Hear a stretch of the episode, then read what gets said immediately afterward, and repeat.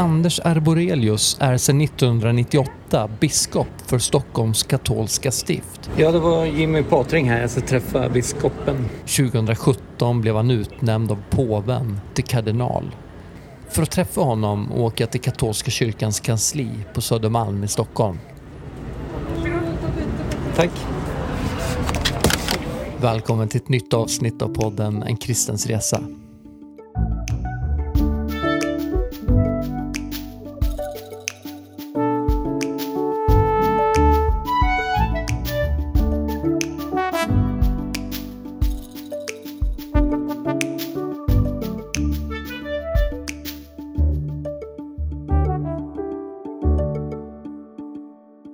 Biskop Anders Arborelius, välkommen till den här podden En kristens Tack resa. så mycket. Tack. Kan du berätta lite bara, vad betyder kardinal och vad gör man när man är en sån? Eh, Kardinal är en slags hederstitel, skulle man kunna säga, eh, för de som eh, ska vara med och välja påvar. Det är väl den största och viktigaste uppgiften att de som har utsetts till kardinaler ska ha den här uppgiften. Och sen betyder det att många av dem eh, har också konkreta uppgifter eh, för att rådge och hjälpa påven på olika sätt. En del har sin huvudsakliga uppgift i Rom där de förestår olika påvliga ämbetsverk, så kallade dikasterier. Men de allra flesta är då biskopar och ärkebiskopar ute i världen som har fått den här eh, uppgiften att eh, vid behov välja påve. Och det är naturligtvis inte så ofta. Och man får bara vara med tills man har fyllt 80 år. Och eftersom jag nu är 74 vet jag inte om det blir någon möjlighet att få Just det, du hoppas tänker att på... påven får leva en bra bit till. Ja, för han är till åren. Hur gammal är han? Han är väl nu 86. 86, ja. Ja. Just det. Just det. Okej, så man är med och väljer en ny påve. eh, Och samtidigt så är man då någon form av rådgivare till nuvarande påve då. Just det, och det kan ju vara på olika sätt. Eh, Jag är knuten till olika eh, rådgivande organ i Rom. Det som har att göra med ekumenik, ekonomi, biskopsutnämningar, de österländska katolska kyrkorna och eh, de som har hand om utbildningen av präster. Men rent praktiskt innebär att du åker då titt som tätt ner till Rom? Eller hur funkar det? Det blir ganska regelbundet. Eh, faktiskt, sista tiden nästan varje månad. Ja, Så nästa vecka ska jag ner igen. då ska Ja. du ner igen Ja. och ge påven lite goda råd. Nu är det inte så att han sitter och lyssnar på det, utan det går ju ofta genom olika utredningar och olika möten. Eh, Men ibland blir det tillfälle att möta påven personligen, men, men Ja. inte så ofta då. Inte så ofta, men det har du varit med om några Jo, gånger. jo, det har jag ju varit med om. Ja. Mm.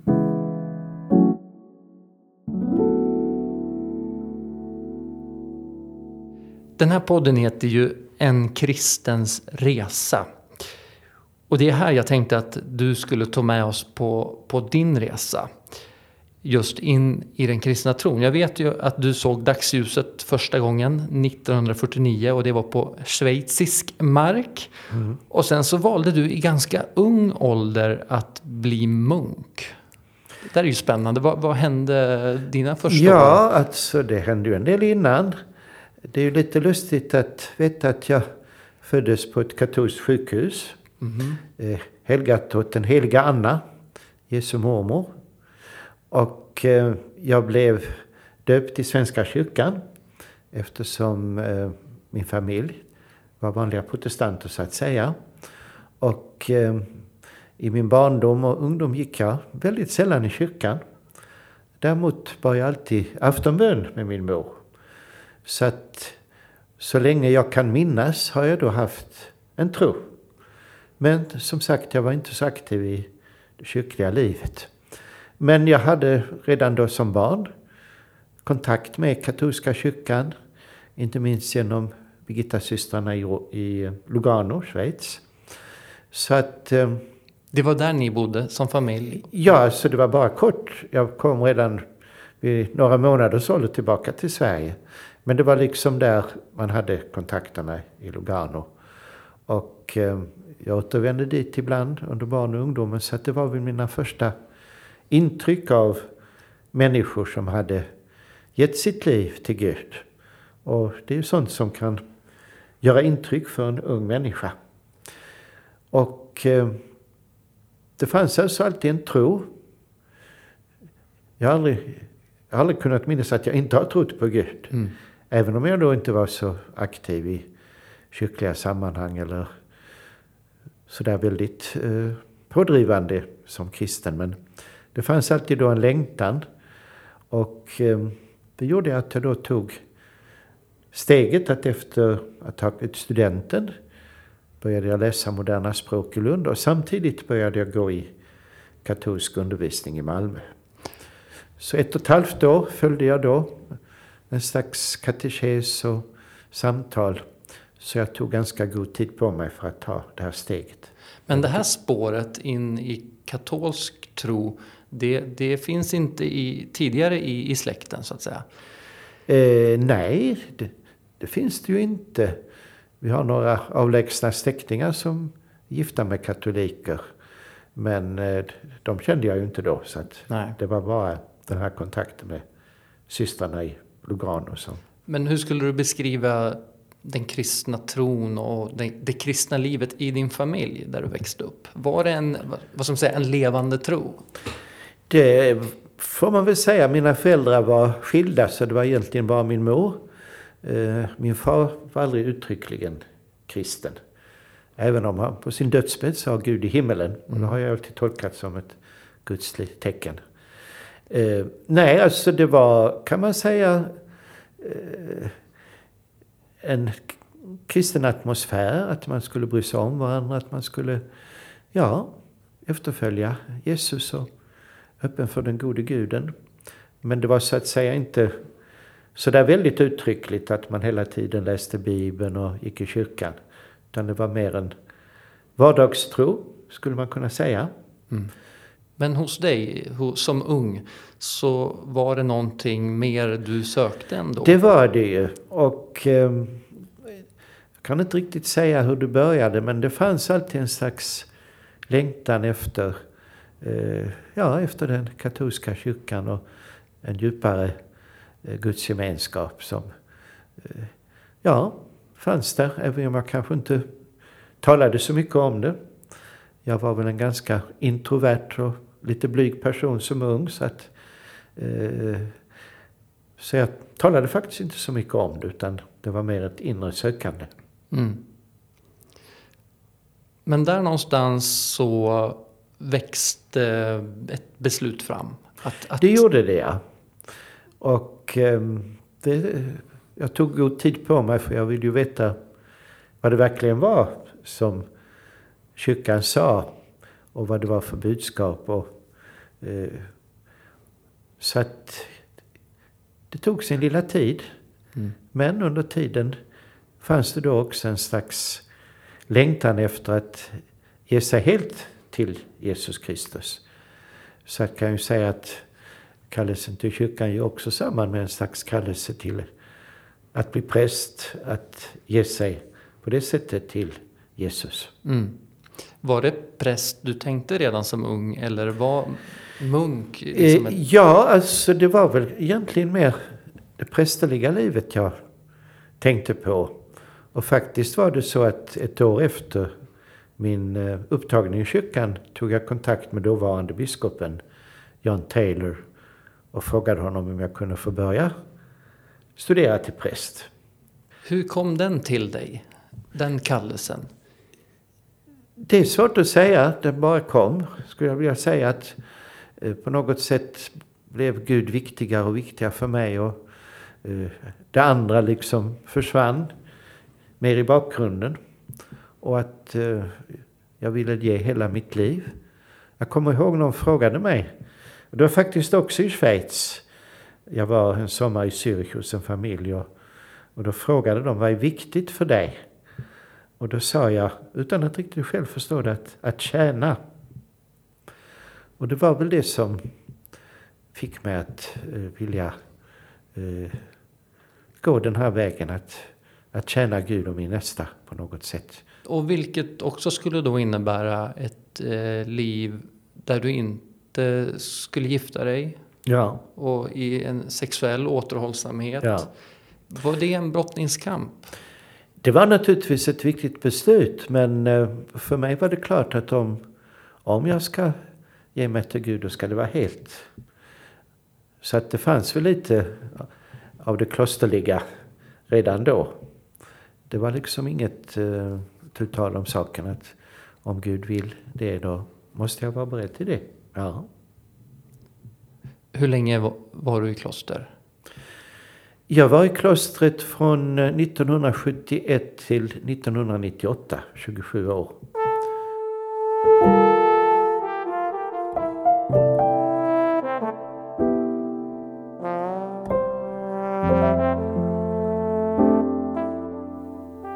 Du har sagt någon gång att det första du fick lära dig var att bönelivet måste grundas på en ständig gudsnärvaro i det vanliga livet.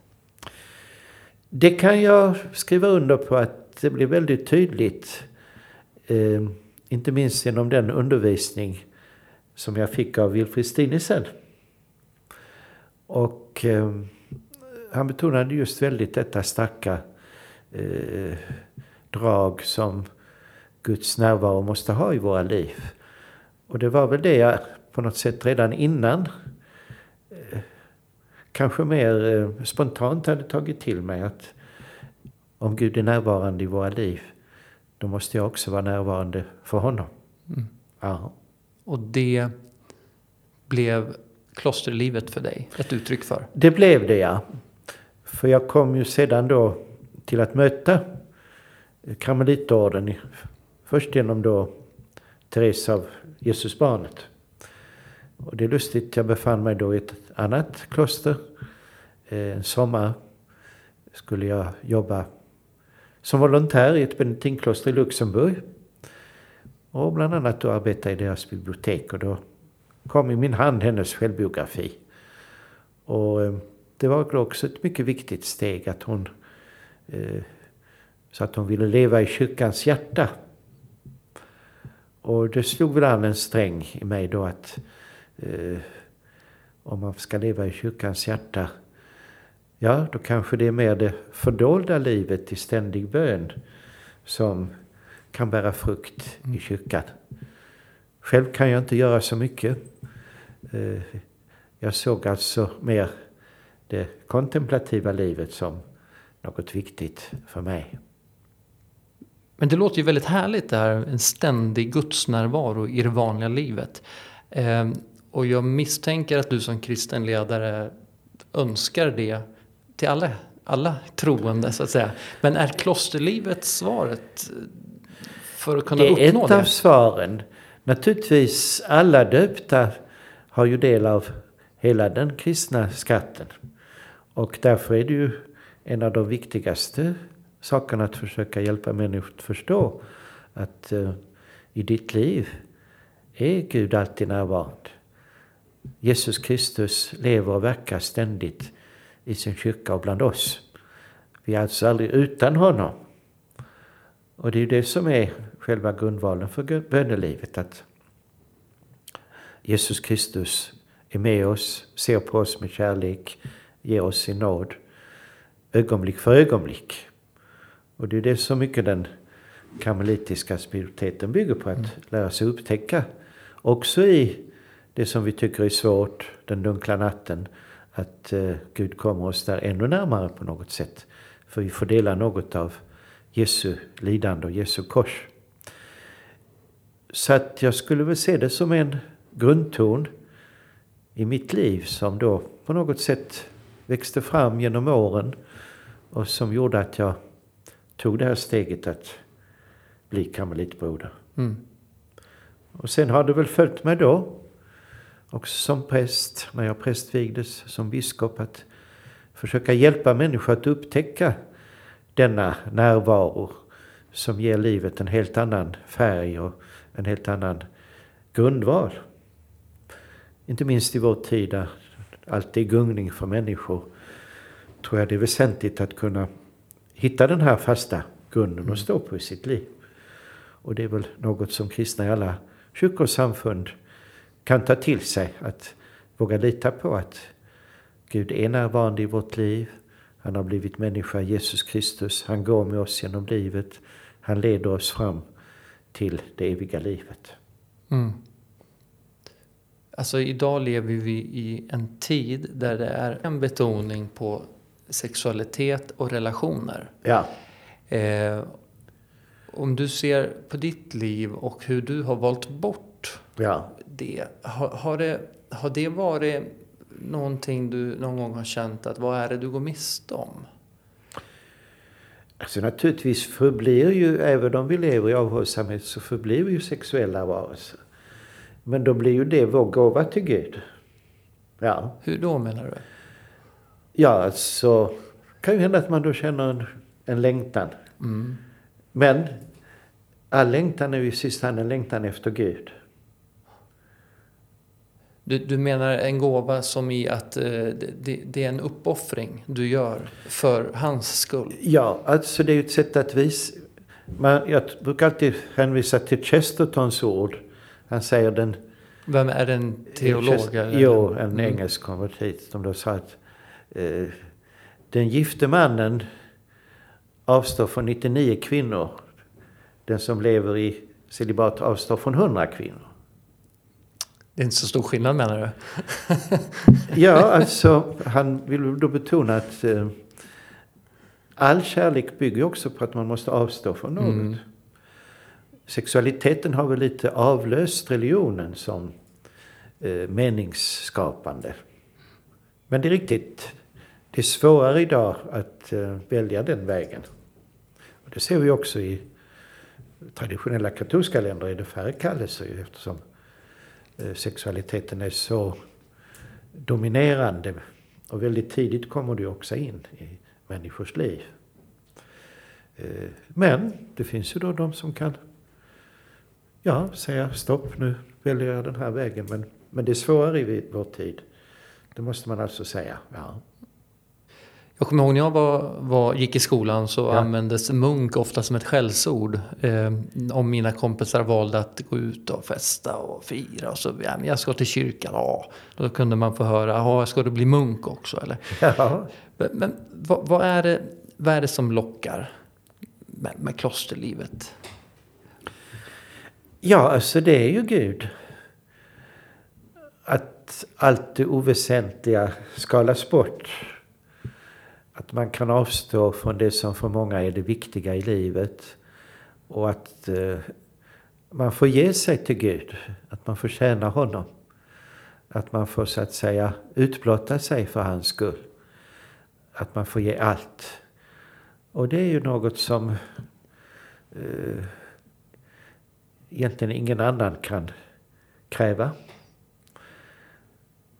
Och det är det vi ser att det finns i människan en längtan efter den oändliga kärleken. Eh, Även hos de som inte tror på Gud. Och då förväntar de sig ofta det av en annan människa. Mm.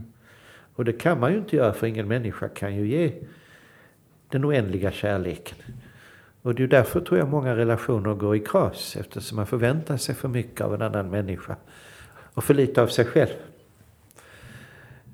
Och det är ju det som är så tragiskt att eh, människor inte kan förstå att det är kanske den största lycka som finns när man får ge sig till Gud, den oändliga kärleken. Att man, ja, får också vara som ett vaxhus som brinner tills det tar slut.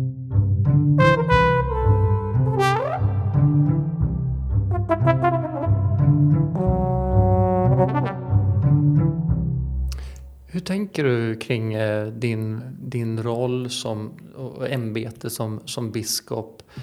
Um, har det alltid varit en, en självklar del i ditt liv eller har du gått igenom funderingar, ska, ska jag fortsätta med det här, ska jag göra något annat? Inte direkt så, men ibland har jag ju tyckt att det var lite väl mycket. Eh, att det skulle vara skönt att ibland få lägga ansvaret ifrån sig.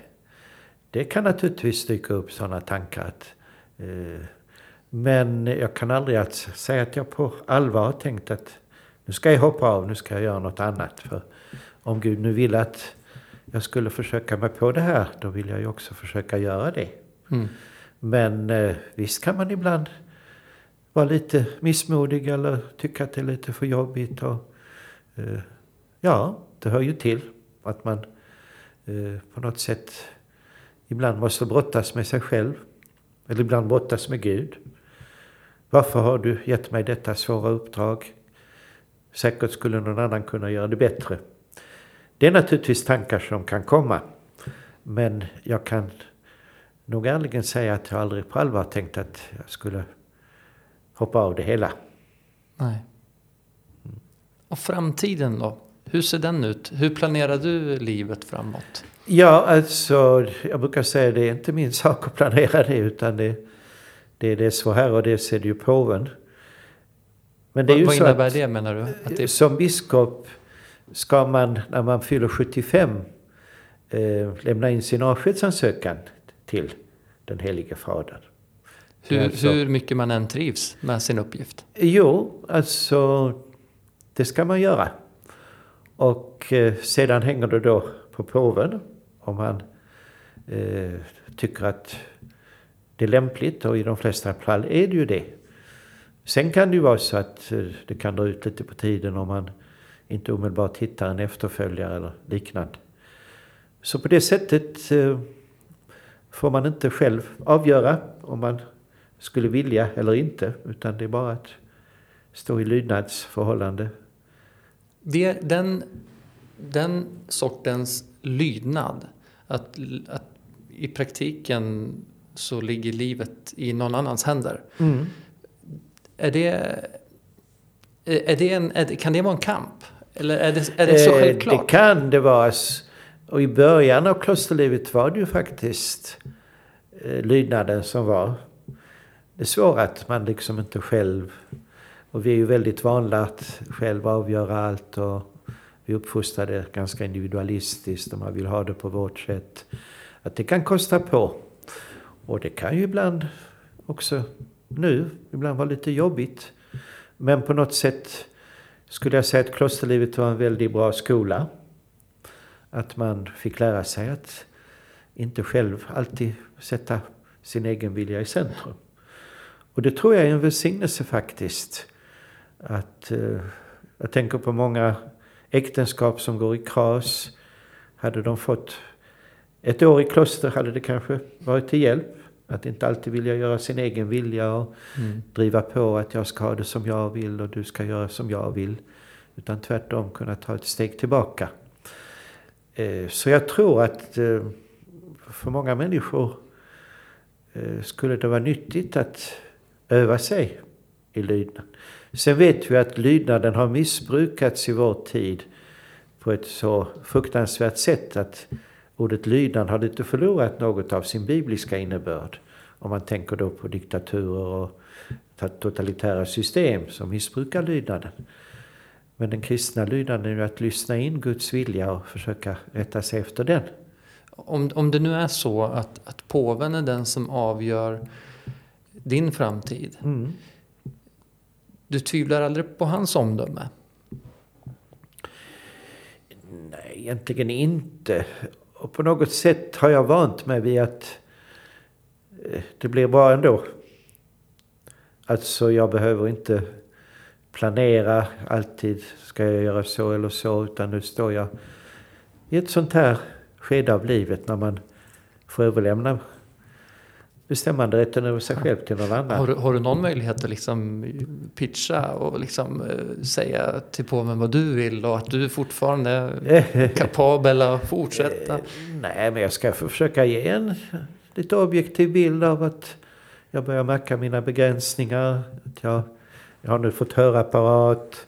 Eh, och jag börjar glömma saker som kan vara viktiga. Eh, jag har inte samma eh, kapacitet, även om jag inte är helt, helt ute och reser så att säga. Men eh, Det låter som att du själv eh, längtar efter att gå vidare.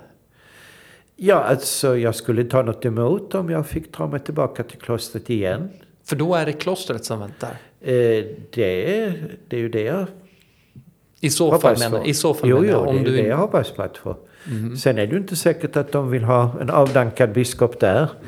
Som kanske är lite besvärlig och krävande, det vet jag ju inte. vad, vad tar du vägen då? då? Ja, det får vi väl se. Men det första är ju då att påven måste avgöra om jag ska träda tillbaka eller inte. Va? Mm. Och bara det är naturligtvis en stor eh, sak att veta att eh, ja, nu börjar den sista delen av mitt liv. Mm. Och man vill ju gärna förbereda sig på en god död, som man brukar säga. Och det är kanske lättare i ett kloster än som biskop. Ja. Du, biskop Anders, jag tackar så jättemycket för att du ville vara med i den här podden. Tack själv, det är redan slut. Det är redan slut. Det gick ju fort. Ja. Uppskattar du min podcast och vill stötta den? Gå in på www.enkristensresa.se och läs mer. Tack för att du lyssnar.